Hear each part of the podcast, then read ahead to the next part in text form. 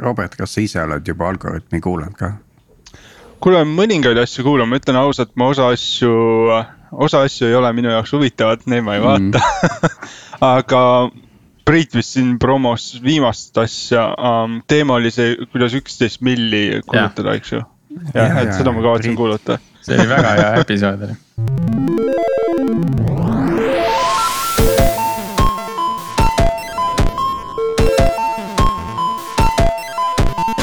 tere taas Algorütmi lainele, oled kuulamas meie seitsmekümne kaheksandat episoodi, kuupäev on kuues mai.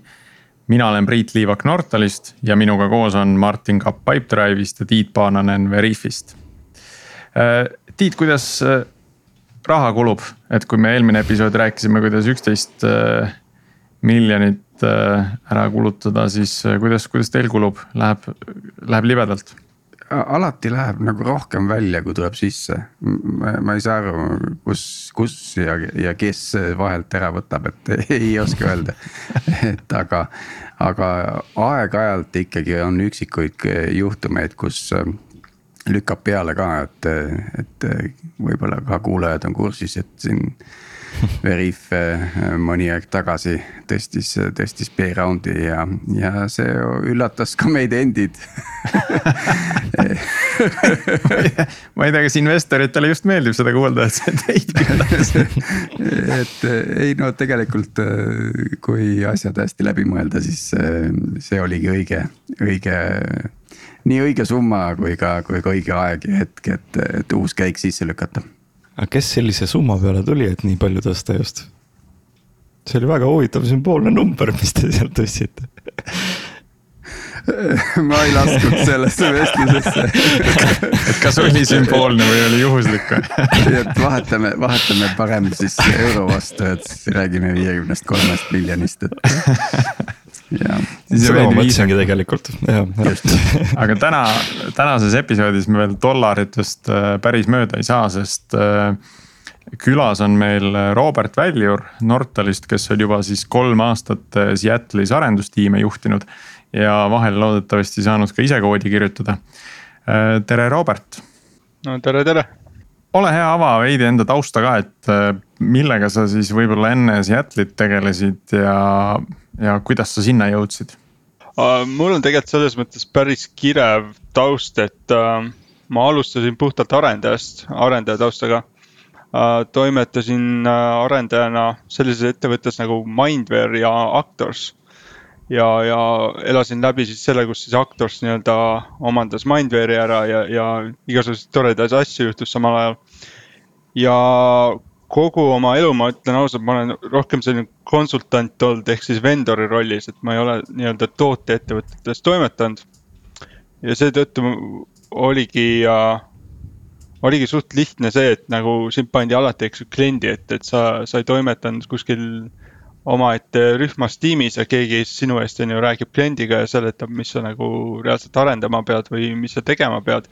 vaid sa otse suhtled kliendi projektijuhtide ja kõrgemate juhtidega, eks ju ja sealt mul, mul on kogu aeg olnud huvi, eks ju, projekti juhtimise vastu ja. ja kui ma nüüd siis toimetasin seal Actorsis, siis ma mingi hetk ütlesingi, et eks ju, et ma näen oma sihti projektijuhina. Ja sealt anti ka mulle võimalus seda teha ja siis ma sain toimetada erinevate riigiettevõtete ja näiteks äh, toimetasin natukene äh, Eleringiga ja toimetasin äh, Omniva asju ka pisut, aga hästi vähe. ja sai tehtud erinevaid riigiprojekte ja nii edasi, eks ju. ja siis üks hetk tuli üks kuri onu nimega Priit Liivak, kes kutsus mind Nortali koos äh, Juhaniga, eks ju. ja, ja kui lõpuks Priit tegi mulle selgeks, et Nortalis ikka Nortals ei ole nii hull farmi arendamine, kui ma kunagi seda kartsin siis äh, ma tegelikult liitusin Nortali arendajana ja sealt ma tõusin ka suht kiiresti tiimijuhiks, äh, tehniliseks äh, arendusjuhiks siis äh, ühes suuremas projektis. Ja mingi hetk tehti siis mulle pakkumine, et, et äh, Norta läheb USA-sse nagu suuremat äh, haaret haarama ja neil on vaja inimesi, eks ju, kes kohapeal projekti juhiks ja toimetaks ja ja mis seal ikka, mulle öeldi, et äh, sul on kaks nädalat, et oma asjad kokku pakkida ja USA-sse minna ja siin ma nüüd siis olen ja siis äh, praegu ma siis olen, eks ju. Ma ei oskagi seda tiitlit nagu eesti, eesti keelde panna, aga tiitli nimi on delivery director ja sisuliselt ma juhin projektijuhte, kes juhivad erinevaid projekte Uh, minu portfoolios on hetkel mingi kuus-seitse erinevat projekti uh, erinevate suurustega uh,. kuldajastul oli üks projekti suurus, kus meil oli üle, üle neljakümne inimese ühes projektis et noh, need varieeruvad, eks ju. Et see on siis minu taust. sa ütlesid kuldajastu, et mis asi see kuldajastu on? ma mõtlen selles mõttes, et äh, kus oli nii-öelda kõige kõrgem inimeste arv ühes projektis. siis kui kõige põnevam oli. jah ma ütleks, et põnev aeg on tegelikult käes veel, et, et see alles tuleb nüüd täna siis on Robertiga plaan rääkida just USA projektidest, tiimidest ja ka klientidest. Ja, ja rääkida siis sellest, et mis, mis seal on võib-olla teistmoodi kui Eestis. Ja ja võib-olla siis isegi sellest midagi õppida, et äh, ühe huvitava asja sa ütlesid kohe ära, et, et sinu rolliks on delivery direktor, et USA-s on vist kõik direktorid ja, ja Eestis on hoopis seda manager'i rolli nagu rohkem, eks ole. Ja minu jaoks oli see täiesti imelik asi, ütlen ausalt, minu jaoks tiitlid on üldse selline natukene mõttetu aga USA-s tehti mulle kohe kiirelt selgeks, et tiitlid on olulised, et ähm, kliendid ei võta sind üldse tõsiselt, kui sul ei ole mingit äh, direktori nii-öelda tiitlit. Manager äh, kui selline on äh, väga low entry nii-öelda äh, juht nende jaoks et, et äh, kui sa tahad äh, VP-de tasemel, eks ju, jutustada, siis kui sul on manager'i tiitel, siis väga sind ei kuulata, see on nagu paratamatus um,. Ja teine asi on, eks ju um,, mis on USA kultuuris on ikkagi natukene veel eksisteerib, on see vanuse teema et kui sa oled ikka liiga noor, äh, babyface nagu mulle öeldakse siis äh, aeg-ajalt sa pead ikka kõva tööd tegema, et, et sind tõsiselt võetakse. et siis pead enne koosolekule minemist habeme ette kleepima ja. jaa see, oleks muidugi päris hea. Priit, muide, sa oled ka ikka VP level või, või millest me siin räägime? no vaata, Eestis ei ole noh nagu, mina see..., mina lugesin väga kriitiliselt seda, kui, kui mulle öeldi, et, et pane endale tiitel. Äh, siis äh, ma lugesin kõiki neid ja mõtlesin, et noh, et ma ei tea, kas see VP on päris see õige. eriti meie kultuuriruumis, noh, et siis ma jäin head of engineering uks. aga, aga tase on ta põhimõtteliselt vist küll jah, VP, VP tase. Ja ma arvan, head of kõlbab ka, et saame, saame saadet edasi jätkata. tohib jah, aitäh Tiit okei okay,, aga kui sa nüüd kolme sõnaga, äh, Robert, enda kogemust USA-s iseloomustaksid, et äh, mis, mis sõnad sa valiksid, et täitsa huvitav oleks kuulata, kuidas sa seda hästi, hästi kokku võtaksid? esimene on kaootiline. kas see kaootiline on natukene nagu, et ta on pigem iteratiivne, agiilne või see ongi segadus? kõik neist, kõik neist ja see ongi sellepärast ongi kaootiline um,. ettearvamatu on teine. noh, mis tähendab, et põhimõtteliselt üritatakse kuidagi kliendi nõudmist, eh, muutuvate nõudmistega kaasas käia või mm? -hmm, ja need nõudmised vist muutuvad äh, päris äh, järsult või päris, päris palju ja päris järsult võivad muutuda. Ütleme niimoodi, mul on kogemus, kus üks suur klient tuli meie juurde lauale, ütles, et äh, homsest me tahame, et teie kolm tiimi maha võtaksite kaks nädalat hiljem tuli uuesti lauale ja ütles, et me tahame neid kolme tiimi tagasi. ehk siis ühes tiimis on tavaliselt, eks ju, viis-kuus arendajat ja siis üks nii-öelda toetav projektijuht. ehk me räägime siin kuskil viisteist pluss inimesest. Et see on siis see nii-öelda ettearvamatus. kolmas, kolmas on natukene keerulisem juba välja mõelda, ma ütleks, et äh, huvitav. Kas see on siis nagu personaalselt huvitav? jah, ma ütlekski, et äkki äh, personaalselt huvitav, äh, ma olen päris palju õppinud, natukene rohkem maa peale ka tõmmatud jutuasjadega ja, ja pidevalt on asju, mida sa tegelikult ei tea või sa koged, mis on täiesti uus, et sul nii-öelda klientide iseloom, klientide nii-öelda, mida kliendid teevad või kuidas nad suhtuvad äh, vendoritesse või kuidas nad äh, kohtlevad sind kui eksperti, see on nii erineva kliendi, nagu erinevate klientide vahel ja ma mõtlen siin just, eks ju, suuremaid kliente. et see teebki selle asja nagu hästi kirevaks ja huvitavaks. ilmselgelt siin äh, väga mitmeid või, või siis tõenäoliselt ka enamikke kliente mainida ei saa, et me. Äh, ma arvan, et äh, lihtsuse huvides võime rääkida sellisest ettevõttest nagu Acme Corporation näiteks.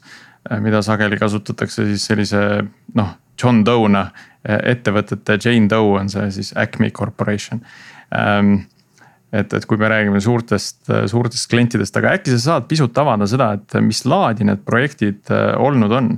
Ähm, või siis, mis tööstusharudest? see oleks huvitav. tööstusharud äh,, tehnoloogiahiiud ähm,, hästi palju toimetame cloud engineering valdkonnas kui ma siin juba detailsemaks lähete, läheksin, siis te teate juba, eks ju, nimesi. telekommunikatsioon, tervishoid ja turism need oleks siis vist need valdkonnad, mis nagu suuremad on, millega tegeleme. aga on seal, kui me võtame nüüd, on seal ka näiteks Fortune five hundred ettevõtteid või nad on pigem sellised uh, no name'id, me noh, meie jaoks, kui me siin kolmekesi, mina, Tiit ja Martin oleme, et kas me tunneks mõne ära? ma arvan, et tunnen. enamus vist ongi ainult Fortune five hundred, et uh, kui ma mõtlen nüüd selle väliseid, siis mõned üksikud on, aga enamasti on need suuremad ikkagi, Fortune five hundred kui on tehnoloogiahiiud, siis neil on ju omal päris suured arendusmeeskonnad, tiimid üle maailma laiali, et mis laadi projekte siis äh, pudeneb ka nagu allhankijatele? siin, siinkohal ma teeks väikse korrektuuri sinu väitele uh,. huvitaval kombel uh, päris paljud hästi suured hiiud omavad enda arendusjõudu ühes-kahes lokatsioonis, ma mõtlen siis USA-s, eks ju, ja võib-olla Indias ja kõik, mis ülejäänud on, on tegelikult vendorid um,. eks ju, sul on mõned suuremad, keda te ilmselt väga hästi tunnete, kellel on rohkem arenduskeskuseid, aga jah, väga paljud neist tegelikult omavad ühte või parimal juhul kahte lokatsiooni.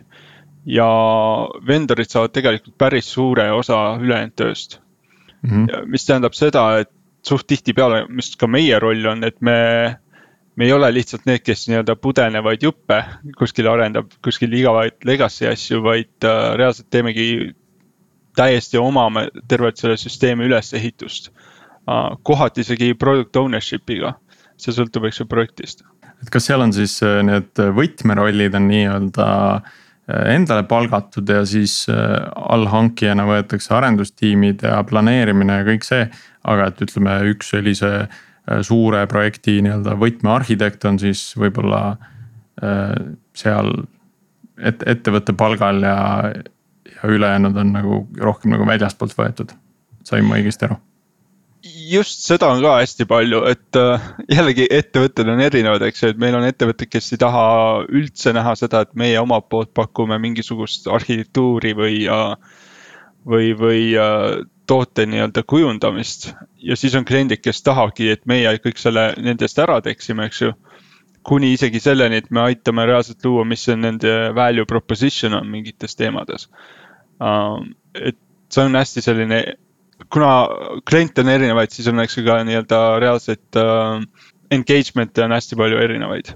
et, et ma nagu üheselt ei saaks kirjeldada, aga jah, üldiselt me pakume pigem sellist terviklikumat teenust kui pigem sellist väikest juppi kuskil, kuskil suures maailmas ja see on jah huvitav, et kuidas neid vendoreid siis nii-öelda onboard itakse ja kui, kui sügavale sellesse suure ettevõtte infrasse nagu teid lastakse, et äh, mäletan Microsofti aegades, siis äh, seal vist oli mingi umbes sama palju, kui oli töötajaid, oli ka contractor eid, eks ju.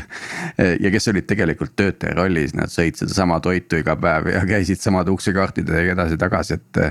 et võib-olla kirjeldad seda poolt natuke oma nii-öelda day to day elu või? jah, noh enne Covidit oli tegelikult sellist asja ka päris palju, et olimegi kliendikontorites, eks ju, meil oli ligipääs nende kohvinurkadele, kõikidele toredatele asjadele, mõnes kohas isegi jõusaalid ja asjad. aga praegu on see ikkagi päris, päris tugevalt on äh, selekteeritud, et millisele infole me pääseme ligi, millisele mitte. ja see sõltub ka konkreetselt kontost, et on kontosid, kus äh, me tegeleme VP level advisory nagu rollina, mingeid strateegilisi asju aitame kokku panna, suuremaid plaane, nii edasi äh, räägime siin kahe-kolme aasta, eks ju, plaanidest.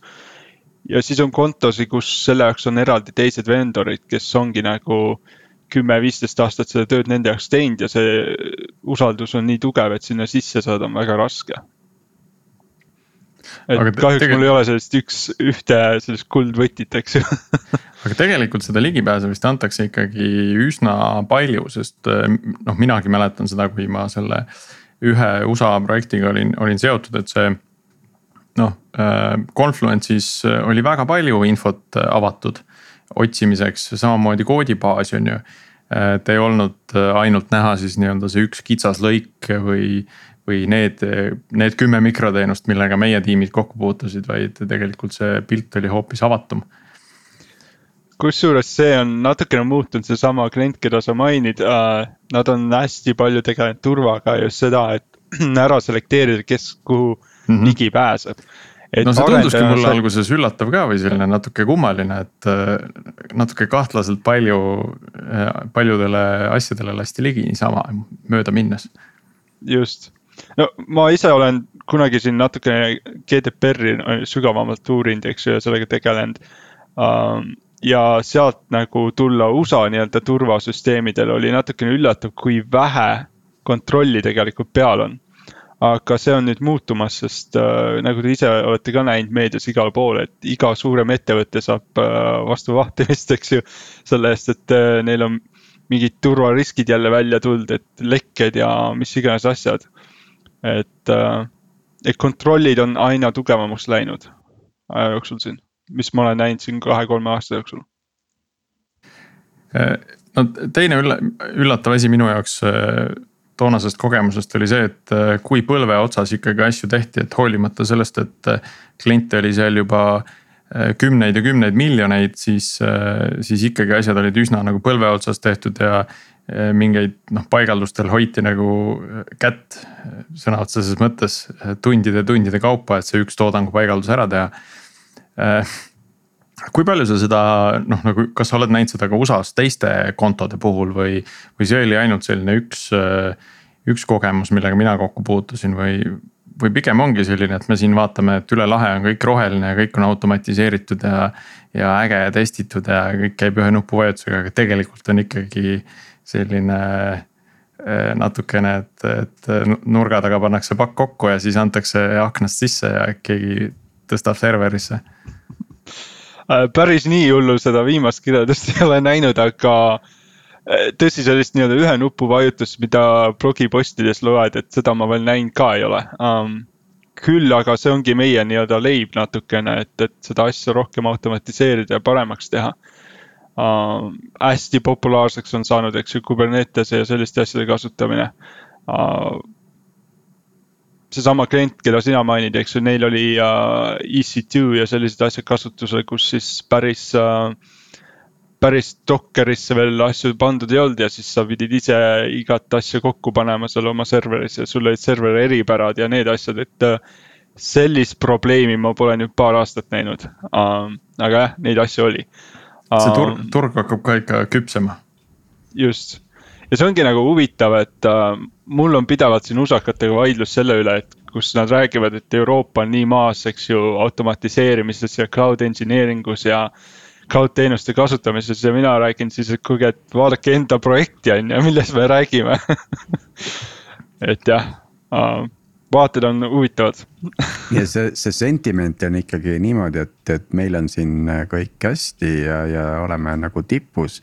Ja siis Euroopas äh, noh, tulevad aeglaselt võib-olla üht-teist teevad, et, et see, see suhtumine on, on suht valdav siis seal. Suhteliselt. Ja noh, nüüd tõele au andes, eks ju, siis selles mõttes tuleb tunnistada, et äh, nii-öelda tööstuses äh, erineva automatiseerituse kasutamine, automatiseerimise kasutamine äh, on USA-s ikkagi laialdasem ja normaalsem, kui on Euroopas, seda tuleb tunnistada, eks ju. Aga öelda seda, et noh, me ei tea, kuidas AWS-i kasutada või kuidas Azure'is asju teha, see on ka natukene nagu jama, eks ju. Et, et oskame küll, vahe on selles, et äh, USA-s on seda kauem tehtud ja, ja siit see nagu alguse sai, eks ju, ja sellepärast nad taotakse nagu rinda, et noh, nagu meie tegime, eks ju, see on umbes sama, et Eesti räägib, meie tegime kõik maailma digitaliseerimisel, me olime kõiges esirinnas, eks ju. kõige ägedam e-riik üldse. just, täpselt no mis on muidugi tõsi, et just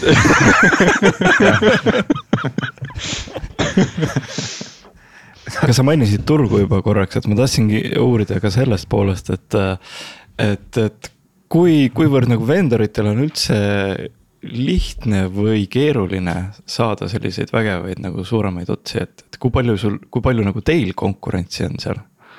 jah, see on hea küsimus, äh, konkurents on meeletu, et äh, ma mäletan aegu, kus Eestis me kurtsime selle üle, et sul on hunniku pisikeseid tegijaid, kes riigihangetel, eks ju, konkureerivad, siis siin me konkureerime poistega, kes on meist äh, noh, kordades suuremad, me räägime siin Accenture'ist, Slalomist, nendest suurtest tegijatest, on ju.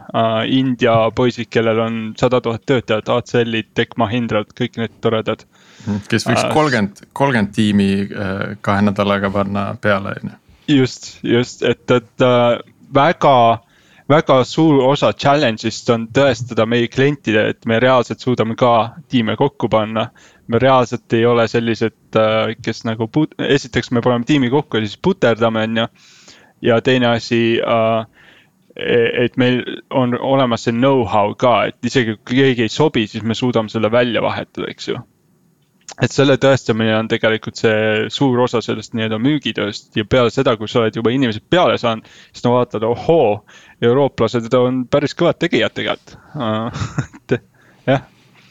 Ja mul hiljuti sattus radarile üks artikkel, ma jagan seda pärast show notes ides ka, et äh, vist Uberi Amsterdami üks engineering manager oli kirjutanud ja ta vaatas seda just nagu salary levelite koha pealt, et ta jagas nagu seltskonna nii-öelda free tiers, et, ähm, et, et ähm, kui põhimõtteliselt äh, on äh, ettevõte, kes toimetab siin Eestis, eks ju, äh, noh, võtame mingi näiteks Eesti kohaliku panga. ja seal on mingid arendajad, siis neil on mingisugune sääner, palgatase ja, ja võib-olla on ka mõni optsioon juures, on ju. siis on siis on see tier two, mis on siis noh, ütleme, sa oled näiteks siin Eestis toimetad, aga töötad rahvusvahelises ettevõttes, aga kes ei ole veel see nii-öelda Uber või. mis see, mis see Fangal või mis Fagal või mis see, mis see lühend oli, mis me siin paar saadet tagasi kasutasime? aa ah,, Fang või? Fang jah, jah ja., et päris see ei ole veel nii. et päris see veel ei ole, on ju, et siis on nagu üks nagu järgmine palgalevel ja, ja siis, kui, kui tema palkab palkab Amsterdamis äh, Uberisse, siis äh, noh, see on nagu hoopis, hoopis kolmas nagu level ja, ja, ja noh, kindlasti on ka äh, see sinna tööle saamine nagu omaette protsess. Et, et võib-olla siis kuskil noh, mõtlen, võtame mingi Eesti kohaliku panga, et sinna noh, paar intervjuud ja valmis on ju, aga mm. -hmm. aga kui tahad FANG ettevõttesse tööle saada, siis äh, ole valmis nagu nädal aega äh, töötama selle nimel ja, ja, ja võib-olla pead kolm kuud enne seda veel õppima. et kõik basic asjad meelde tuletada ja, ja siis sult kaheksa tunniga pigistatakse kõik mahalad välja, eks ju, et. no Microsofti episoodis me juba, juba ka sellest äh, rääkisime ja et kui raske on isegi ühe ettevõtte sees teisele ametikohale asuda. et kui, kui pikk see, see protsess on. Äh, Robert, kui palju sina oled äh, värbamisega kokku puutunud ja kas oled, oled olnud ka selles protsessis sees? jah, värbamine on, eks ju, üks minu, minu töö põhiosadest ka. et ähm, ma ütleks kohe, et paar asja on USA-s tõesti erinev, et see see tase, kui, kui palju erinevaid intervjuusid või erinevaid intervjuu uh, stage'e sul on uh,. see on kindlasti suurem siin, et sul on uh, juba see, et sa pead HR uh, aspektist on ju erinevaid intervjuusid maha pidama, et, et. tõesti, see poiss ei ole või tüdruk ei ole, eks ju, pedofiil või midagi sellist. kahjuks see on selline asi, mida peab siin vaatama, eks ju ja siis on erinevad sobivused nii tiimidega, sobivused projektidega ja. ja kuna see turg on ikka tõsiselt kuum siin Seattle'is, siis äh, üldiselt sa pead äh, vähemalt nagu kaks inimest saatma peale, kes intervjuudele, kes sul lihtsalt müüvad seda ettevõtet ja projekti. et, et inimestel on valikuvõimalus meeletu siin ja, ja kui sa ikka seda nii-öelda muljet ei jäta, et esiteks sa, see projekt on huvitav ja teiseks sa nagu reaalselt hoolid ka, eks ju, inimesest ja tema arenguprotsessist on ju, et kuhu ta jõuab siin viie aasta pärast näiteks. kui sul seda plaani ette pakkuda ei ole, siis see inimene läheb lihtsalt kiiresti minema ja ongi kõik. Mhm.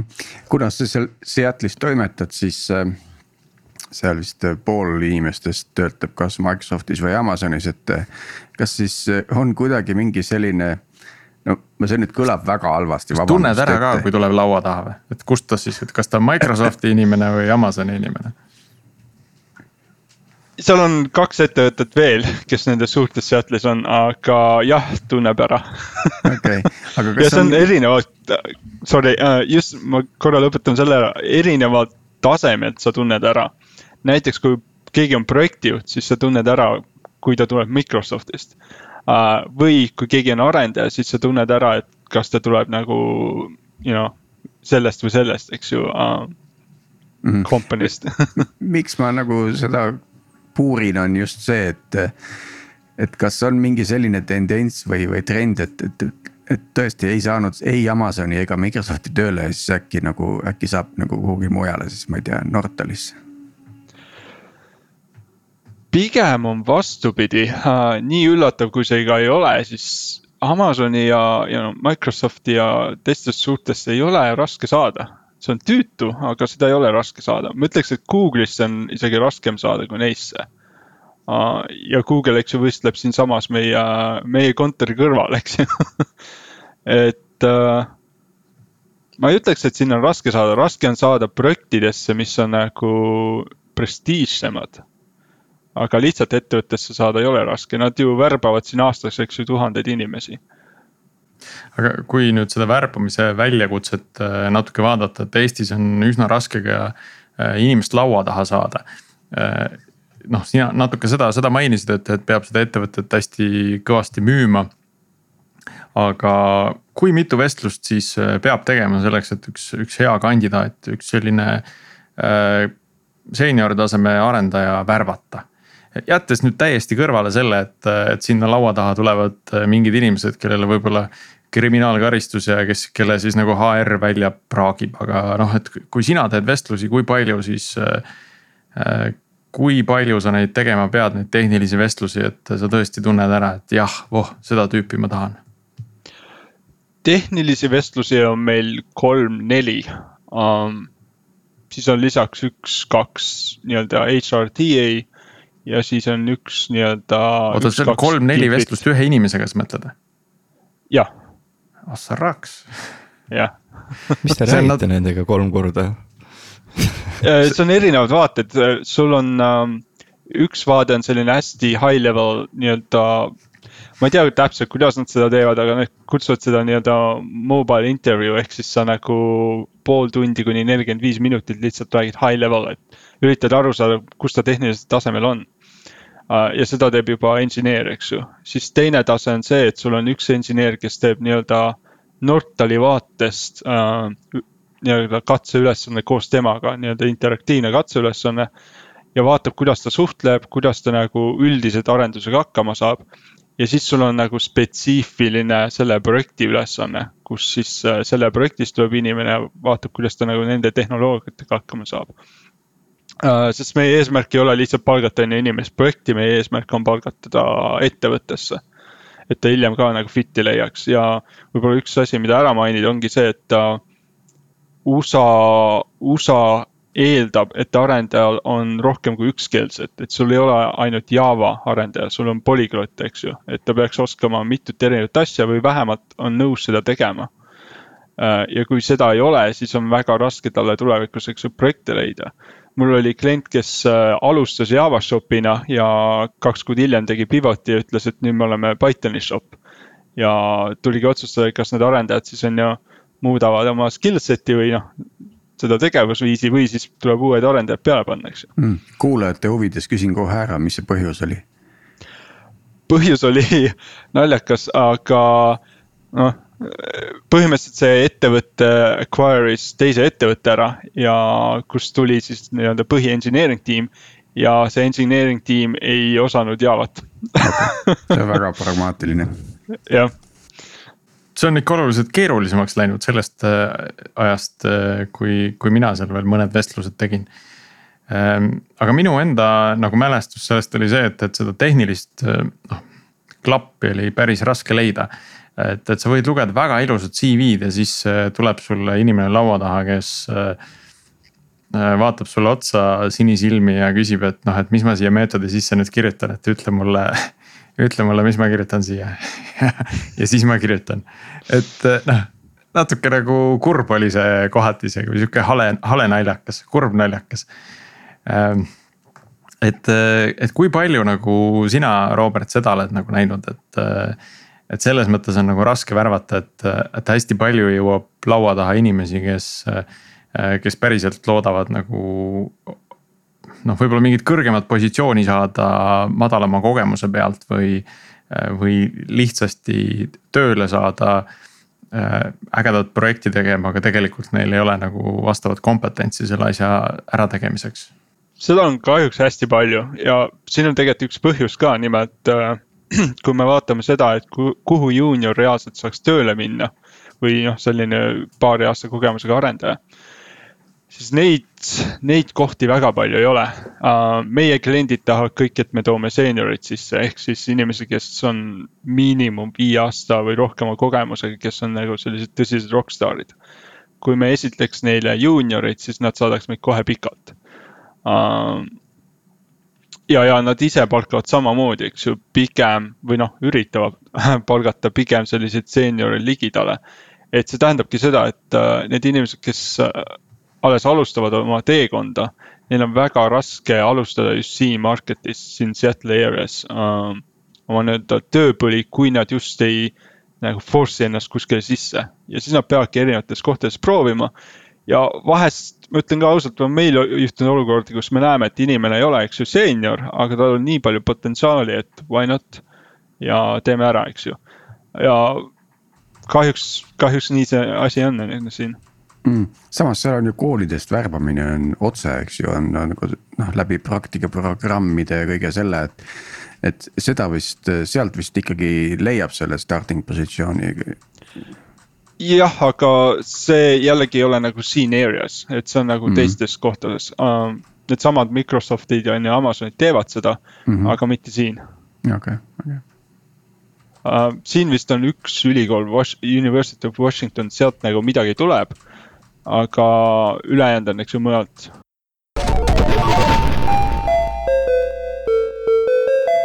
Äh, hüppaks nüüd korra sellise protsesside maailma ka, et kuidas, kuidas seal siis arendus käib, et. Äh, kuule, kaootiline pidi olema, kuulsin. no kaootiline ja vaatame siis natuke seda kaootilisust veidi lähemalt, et. Äh, et noh, sa ütlesid, et seal on ikkagi selliseid agiilseid praktikaid, on ju, aga. Äh, noh, kui võtad kokku, kuidas, kuidas see arendus käib, et kui palju seal on, ma ei tea, vastutust sellel arendustiimil, kui detailsed on spetsifikatsioonid. kas arendaja saab sellest tervikust aru või kas ta, kas temalt oodatakse, et ta saab sellest aru või kogu selles suures masinavärgis on äh, need arendustiimid lihtsalt väikesed äh, mutrikesed, mida, mida siis keeratakse siia ja sinnapoole? Jällegi see sõltub, eks ju, kliendi spetsiifilisest ja kui suur see projekt on, aga võttes näiteid on ju paarist suuremast projektist, millega ma siin hiljuti tegelenud olen uh, kliendi eeldus on see, et sa omad terviklikku pilti. see, kuidas sa selle omandad, see on sinu enda probleem nende vaatevinklist. ehk siis tegelikult see on nagu Nortali probleem on ju, see probleem, see ära lahendada ja see dokumentatsioon ja kõik asjad luua. kliendid ise dokumentatsiooniga väga ei tegele, see ei ole nende jaoks prioriteet, nad ei näe seal väga suurt väärtust uh, parimal juhul me oleme suutnud maha müüa, et nad peaksid vähemalt sellise nii-öelda suurema arhitektuuri ja joonised ja asjad paika panema. ja see on ka päris suur battle olnud.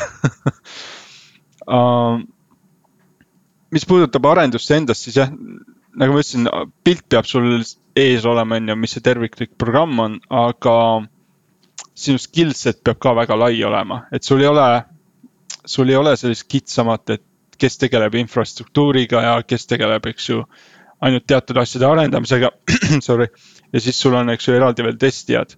et sa pigem pead suutma terviklikku seda arendusprotsessi hallata, ehk sa pead saama aru väga poolikust äh, nii-öelda spec'ist, sest see spec ei ole sul selline ideaalne kooli näide, et sul on korralik test case või use case on ju ja siis selle pealt sa arendad.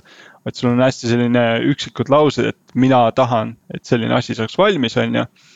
ja siis sa pead hakkama leiutama, et kuidas selline asi valmis teha ja kohati sa pead selle äripoolega ka suhtlema, et mis see siis täpselt on, mida sa tahad ja kuidas sa tahad, et see implementeeritakse mm.. kas need ja tiimid siis ma küsin siia vahele, kas need tiimid on, me saame neid öelda, et selle näiteks Nortalis konkreetselt on selline nii-öelda. Äh, mis see siis eesti keeles on, ma isegi ei oska praegu öelda, cross-functional et äh, kus on siis noh, ütleme disainer, mingi product marketer, product mingi analüüst, siis võib-olla mingid testijad, arendajad kes on rohkem back-end'is, front-end'is, et. et kas see taotlus on ikkagi sellise cross-functional tiimiga peale minna või siis on midagi muud? ta on nagu mixed, et selles mõttes ta on cross-functional, et sul analüütika on üldiselt ikka eraldi või nii-öelda projektijuht on ju. suht tihti nad on samas rollis, on üks inimene um, testijatega me oleme nii teinud äh, Nortalis, et meil on nüüd ainult automaattestijad, kui me üldse testimist eraldi pakume. et, et nii-öelda klassikalist manuaaltestijat ja sellist, kes end-to-end sulle asju klikib, sellist asja ei eksisteeri enam. Ja arendaja peab suutma nii seda SRE valdkonda teha, eks ju, site reliance engineering ut, kui ka nii-öelda klassikalist uh, feature development'i. aga seal äh, vist uh jälle noh, sõltub nii palju sellest kliendist, aga see, see muster, mida mina näiteks nägin, oli selline, et. et teatud rollid olid väga sihilikult võetud erinevate vendorite käest. näiteks sa võtad mingisuguse väikese tüki tooteomaniku äh, ühe vendori käest ja arendustiimi teise vendori käest. et seal noh, neil tekib nagu selles mõttes neil, siis neil on mõlemal huvi, et seda, seda toodet igal juhul nagu edasi viia. Äh, et, see tulemus oleks võimalikult maksimaalne. et seal ei saa nagu kuidagi nurki lõigata, sest need äh, mõlemad rollid erinevate vendorite juures siis äh,.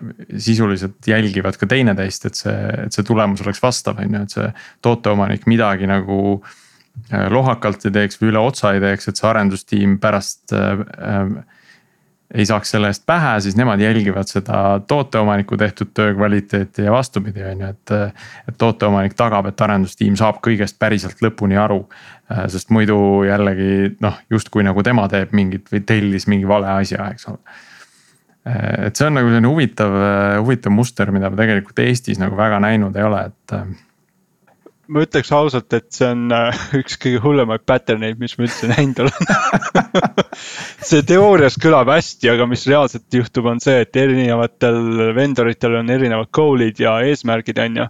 ja tegelikult hakkab hõõrdumine ja sama juhtus meil.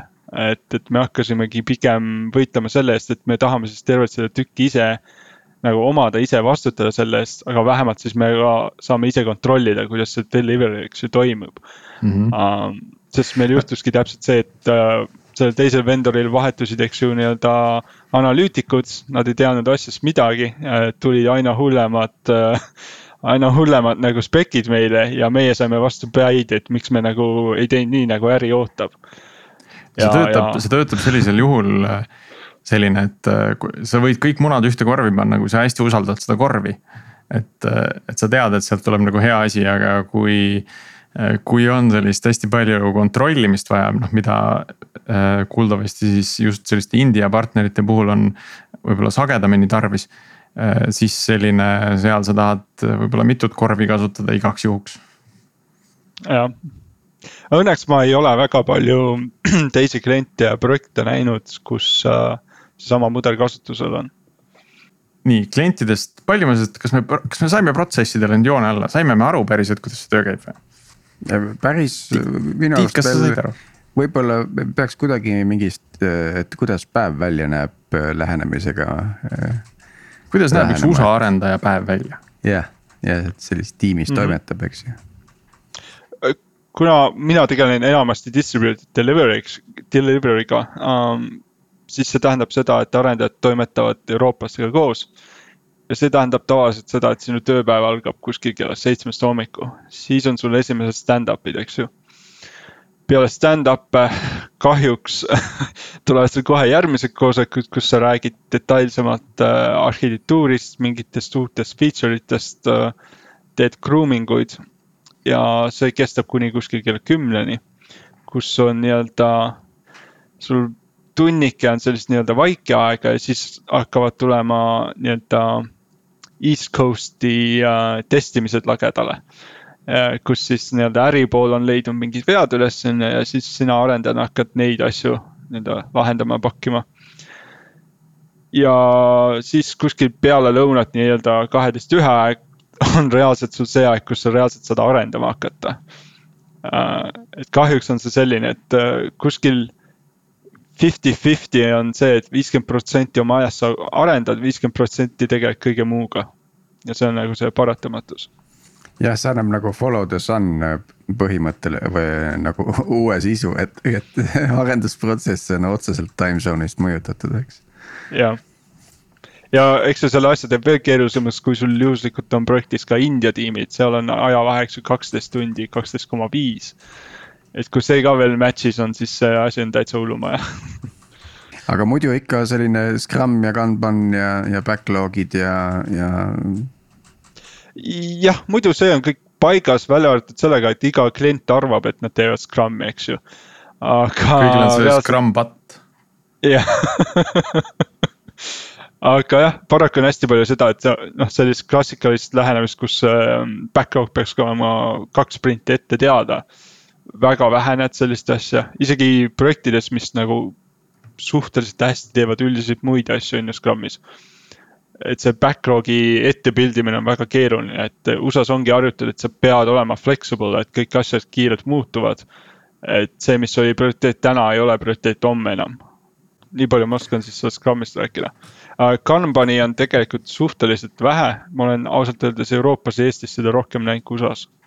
Äkki see on selline startup mudel ka natuke rohkem, et et kui seal, kui seal nagunii need käsud tulevad äh, top-down selles suures, äh, suures ettevõttes, et äh, kuskil pannakse strateegia paika, mida arendada on vaja, siis tehakse. kõrgetasemeline tehniline disain, et milliseid komponente me siis muutma peame siis, siis need tiimid vaatavad juba edasi, kuidas neid, kuidas neid komponente päriselt muuta saab. ja võib-olla selline küsimus, mis puudutab just nagu tarkvaraarendusega seotud meetrikaid, et või mõõdikuid, et et kas on midagi, mida sa ise usud, et äh, nagu töötab, ma ei tea, siin mingit Velocity't või, või ühesõnaga, jätka ise jah, see Velocity battle on see igivana battle, eks ju uh,. mis veel hullem ma olen näinud, on see, kus sul klient arvab, et ta saab Scrumist aru ja siis hakkab sul uh, võrdsustama reaalselt ajalisi hinnanguid story punktidega. see on kõige hullem, mis ma näinud olen kahjuks ma ühte sellist klienti nagu selle kliendiga toimetan päris pikka aega ja. ja seal nagu muutub see asi väga keeruliseks, kuidas sa neid hinnanguid teed ja kuidas sa seda täpsust saad ja kuidas sa reaalselt seda complexity't, eks ju äh,, kliendile esitled. ja mis sellest tavaliselt sünnib, on see, et äh, hästi detailselt tuleb sul hakata lahti lööma nii-öelda subtask'e, et klient saaks aru ka, et reaalselt ka see on suur asi, mida me teeme ja see tekitab nii-öelda annoying factor'it, eks ju, arendajatele, et milleks ma sellise juraga tegelema pean et kahjuks seda on palju uh,. mis puudutab meetrikuid üldiselt, siis mina olen sügavalt selle usku, et uh, vaatame, mis see ajaline keskmine on. et mis me suudame nagu pikas perspektiivis teha ja, ja. et vaatad. pigem nagu sellise kvaliteedi, jah, trendi ja, ja siis sellise kvaliteedi meetrikuid, eks ju, et, et uh, palju meil reaalselt on slip inud issue'si production'isse või kui palju meil arendusest edasi nagu release faasis tekib reaalselt bugisi. Äh, kui seal asjad on mingi data, dataga seotud, siis on ju, äh, minu jaoks ei ole tiimi äh, performance indikaator, kui mm, -hmm. eriti kuna meie datat ise ei kontrolli, eks ju ja, jah, seal on siis selline defect density ja, ja post ja pre-release nagu issue count'id ja värgid, eks ju. just ja me oleme üritanudki nagu erinevatel klientidel sedasama mudelit pigem peale suruda, et nad ei vaataks seda lihtsalt burn down ja neid asju, eks ju, nii hullult. kui sa nüüd tuled Eestisse tagasi, et mis on, mis on see võib-olla üks huvitavamaid või suuremaid äh, tarkusi, mis sa endaga kaasa tood? kuna sa tuled üldse, tuled varsti ma ei oska sulle öelda, hetkel mind seebitatakse, et ma siia kaugemaks jään aga kui ma Eestisse nagu tagasi tulen, üks asi, mis, äh, mis ma tooks, oleks võib-olla see, et äh, kuidas reaalne äri poole suhtlus käib ja kuidas neid ootusi paika panna. et üks asi, mis äh, Eestis on hästi palju erinevaid, kuna suuresti väga suured, äh, enamasti suured, eks ju, arendusettevõtted meil Eestis äh, teevad ka riigiga koostööd. siis ollakse harjunud selliste asjadega nagu, nagu kollektiivne puhkus ja sellised asjad. ja USA kontekstis see asi noh, vabandage väljenduse pärast, aga bullshit, nad ei taha kuuldagi, et sul selline asi on. et kui sellise asjaga lagedale tuled, siis nad ei taha sind kliendiks ka või noh, tähendab, nad ei taha, et sina nende vendor oled. Et hoolimata sellest, et, et meil on kollektiivpuhkus, me peame ikkagi pakkuma või kliendi jaoks kogu aeg olemas olema. et Just. nemad saaksid arvestada sellega, sest ne, nemad ei, nemad on mingis teises kontekstis, teises maailmas, kus, kus sellist asja nagu kollektiivpuhkus ei eksisteeri üldse. ja võib-olla üks teine asi, mis siia juurde tuua on äh,, et äh, oh, kuidas seda öelda äh, nii-öelda tasemete, tasemete teemad, eks ju, kui Eestis vähemalt mina olin harjunud, et sul on klassikaliselt, eks ju äh,. Dev üks ehk juunior, sul on Dev kaks ehk on ju mid-level ja Dev kolm ehk seenior. ja sealt edasi tuleb arhitekt ja väga rohkem ei olegi, eks ju.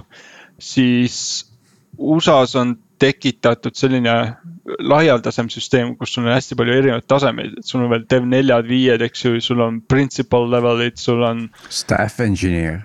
Jah, täpselt, et sul on nagu neid erinevaid asju ja ma alguses ei saanud sellest aru, ma ütlen ausalt. aga kui sa hakkad mõtlema, et kuidas luua inimesel reaalselt see motivatsioon ja näitab ka, et ta kuskile edasi saab ja mis see nagu edasi nagu saamine reaalselt talle tähendab. siis natuke tuleb öelda, et see Eestis ongi veits algeline süsteem, et, et, et liiga lihtsustatud ja see lihtsustamine äh, tekitab vähem võimalusi inimestes. Ja sa oledki suurema riskiga, et sul inimene lahkub, sest ta ei näe enam seda järgmist step'i tal samas ettevõttes. ja siin on, ma arvan, huvitav paralleel see, et et kuigi ma ei, ma nüüd ei oska öelda, kui palju protsentuaalselt Ameerikas on äh, populatsioonist sõjaväge läbinud, noh Eestis on see on see pigem äh, nagu noh, ma ei tea kas, kas kolmkümmend protsenti, noh, et, et ütleme viiekümnest protsendist või noh, ütleme sada protsenti, et noh, naisi on pigem vähem, eks ju mehi on, mehed on, enamus on haiged, ei saagi sõjaväkke minna, eks, et neil ei ole seda hierarhia kogemust, eks ju. aga, aga Ameerikas on nii palju, kui ma olen lugenud, siis nagu ärikultuur on nagu tugevalt selle sõjaväelise hierarhia kogemusega ja, ja noh, neid auastmeid ja leveleid ja tärnikesi seal jagub ikka noh, ikka pikaks, no saab päris pikaks venitada selle karjääriredeli, eks ju. ja, ja osa tuleb sul ajaliselt, osa tuleb sul äh, mingi nagu promotion'i raames, eks ju. et, et, et võib-olla see on see mõjutaja, mis seda USA ärikultuuri just selle hierarhia mõttes on nagu ja nende levelite mõttes on nagu palju mõjutanud Mm -hmm. aga, aga mida see tähendab siis näiteks võrdluses, kui sa võrdled Eesti omadega, sa ütled, et seal on nagu neid astmeid rohkem, on ju. et, et mis arendaja on siis seenior arendaja Ameerikas? et kas see seenior Ameerikas, jah, just, kas see on sama, mis Eesti seenior või siis seal tuleb ka mingeid äh, kaardistusi teha, et see läheb natukene sinna kategooriasse, et võtame õlled kõrvale ja räägime pubis, eks ju kas aga... me võrdleme siin, ütle siis vähemalt nii palju, et kas me võrdleme siin õunu apelsinidega või, või siis on ikkagi nagu enam-vähem võrreldav see maailm? õunu apelsinidega, äh, mina olen äh, arenduse puhul natuke kriitiline ka, ma, minu meelest seenior arendaja peab olema ikka selline õh, enne poiss. mitte, et sul on selline, kes on lihtsalt nagu paar aastat oma CV-sse kirja saanud ja siis on kohe seenior, eks ju uh,. et selle koha pealt minu minu isiklik standard seenior arendaja jaoks on kõrgem kui see, mis USA-s on. ja Eestis on pigem vastav, vastavus sama, eks ju mm. -hmm. ja meil oli ka episoodis siin mõned episoodid tagasi oli, oli seenior arendaja, kes Pipedrive'is sattus juunior arendajaks mm. -hmm. ma olen, ma olen enda loodud startup'i äh, CTO, et meil on ja, ja ma arvan, et me hakkame tänase episoodiga üsna ühele poole ka jõudma, et. aga ikkagi klassikaline küsimus, kas sa tahad, Robert, vastata küsimusele, mida me veel ei ole küsinud? jah, mida me veel ei ole küsinud sinu käest? ma ei oska võib-olla seda päris hästi midagi kohe välja tuua, aga võib-olla üks asi, mis mul endal mõttes on um,. üks oluline asi uh,, mis on USA kultuuris uh, väga tähelepanuväärne, on sertifikatsioonid või sertifikaadid uh,. Eesti keele logiseb juba uh,.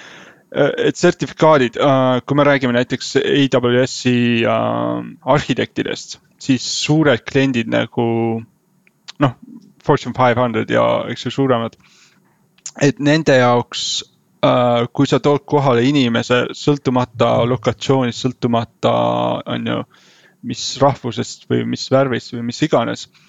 Kui sa tood kohale inimese, kes, kellel on äh, näiteks kõva see AWS äh, arhitekt sertifikaat taskus, siis seda inimest kuulatakse. Versus see inimene, kes on, ütleb, et noh, usaldage mind, ma tean, millest ma räägin aga sul ei ole näidata, et noh, kuidas seda tõestada, on ju. see, see on päris oluline USA-s um, ja USA suurtel klientidel uh,. ja ongi see, et meil on nagu paar head näidet, kus üks tüüp, kellel noh, arenduskogemust ei ole, eks ju, kakskümmend aastat, mis siin tüüpilisel arhitektil on USA-s. Ja samas tal oli see sertifikaat näidata ja tal oli, on ju, see kogemus ja see rääkimise maneer ka vastav, et kuidas ta kliendiga suhtleb.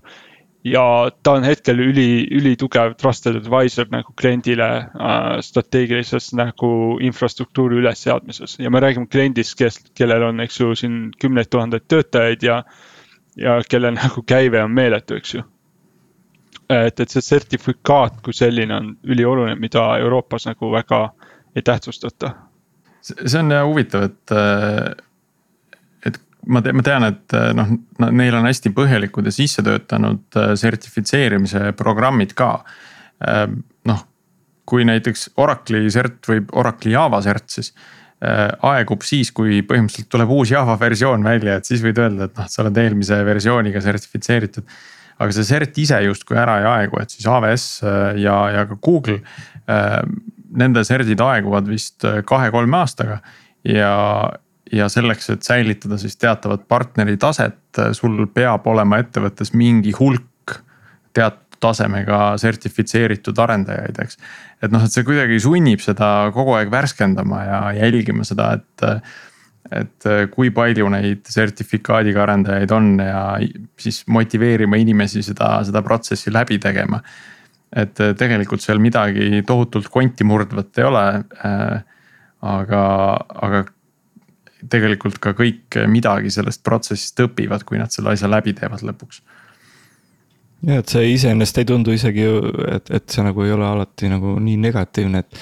et sa teed selle läbi, värskendud kursuse, eks ole, et võib-olla sõltub ka, et mis see töö eesmärk on, et kui sul on. Vendorina tead, et sa töötad Google Cloud platvormil ja sa tunned seda, siis võib-olla isegi positiivne, et mm. -hmm aga siin ongi, et Eestis on äh, seda, seda tööd on, on, on nii palju ees, et, et väga lihtne minna ühest ettevõttest teise omamata ühtegi sertifikaati tagataskus. ja oluline on pigem see, mis sa ära suudad teha, mitte see, mida sa ette suudad näidata. aga USA-s on täpselt see ettenäitamise olulisus on, on ka äh, märkimisväärne nii, aga selle mõttega ma arvan, tõmbamegi siit äh, joone alla. Äh, loodame, et siis äh, see USA episood jääb ülesse.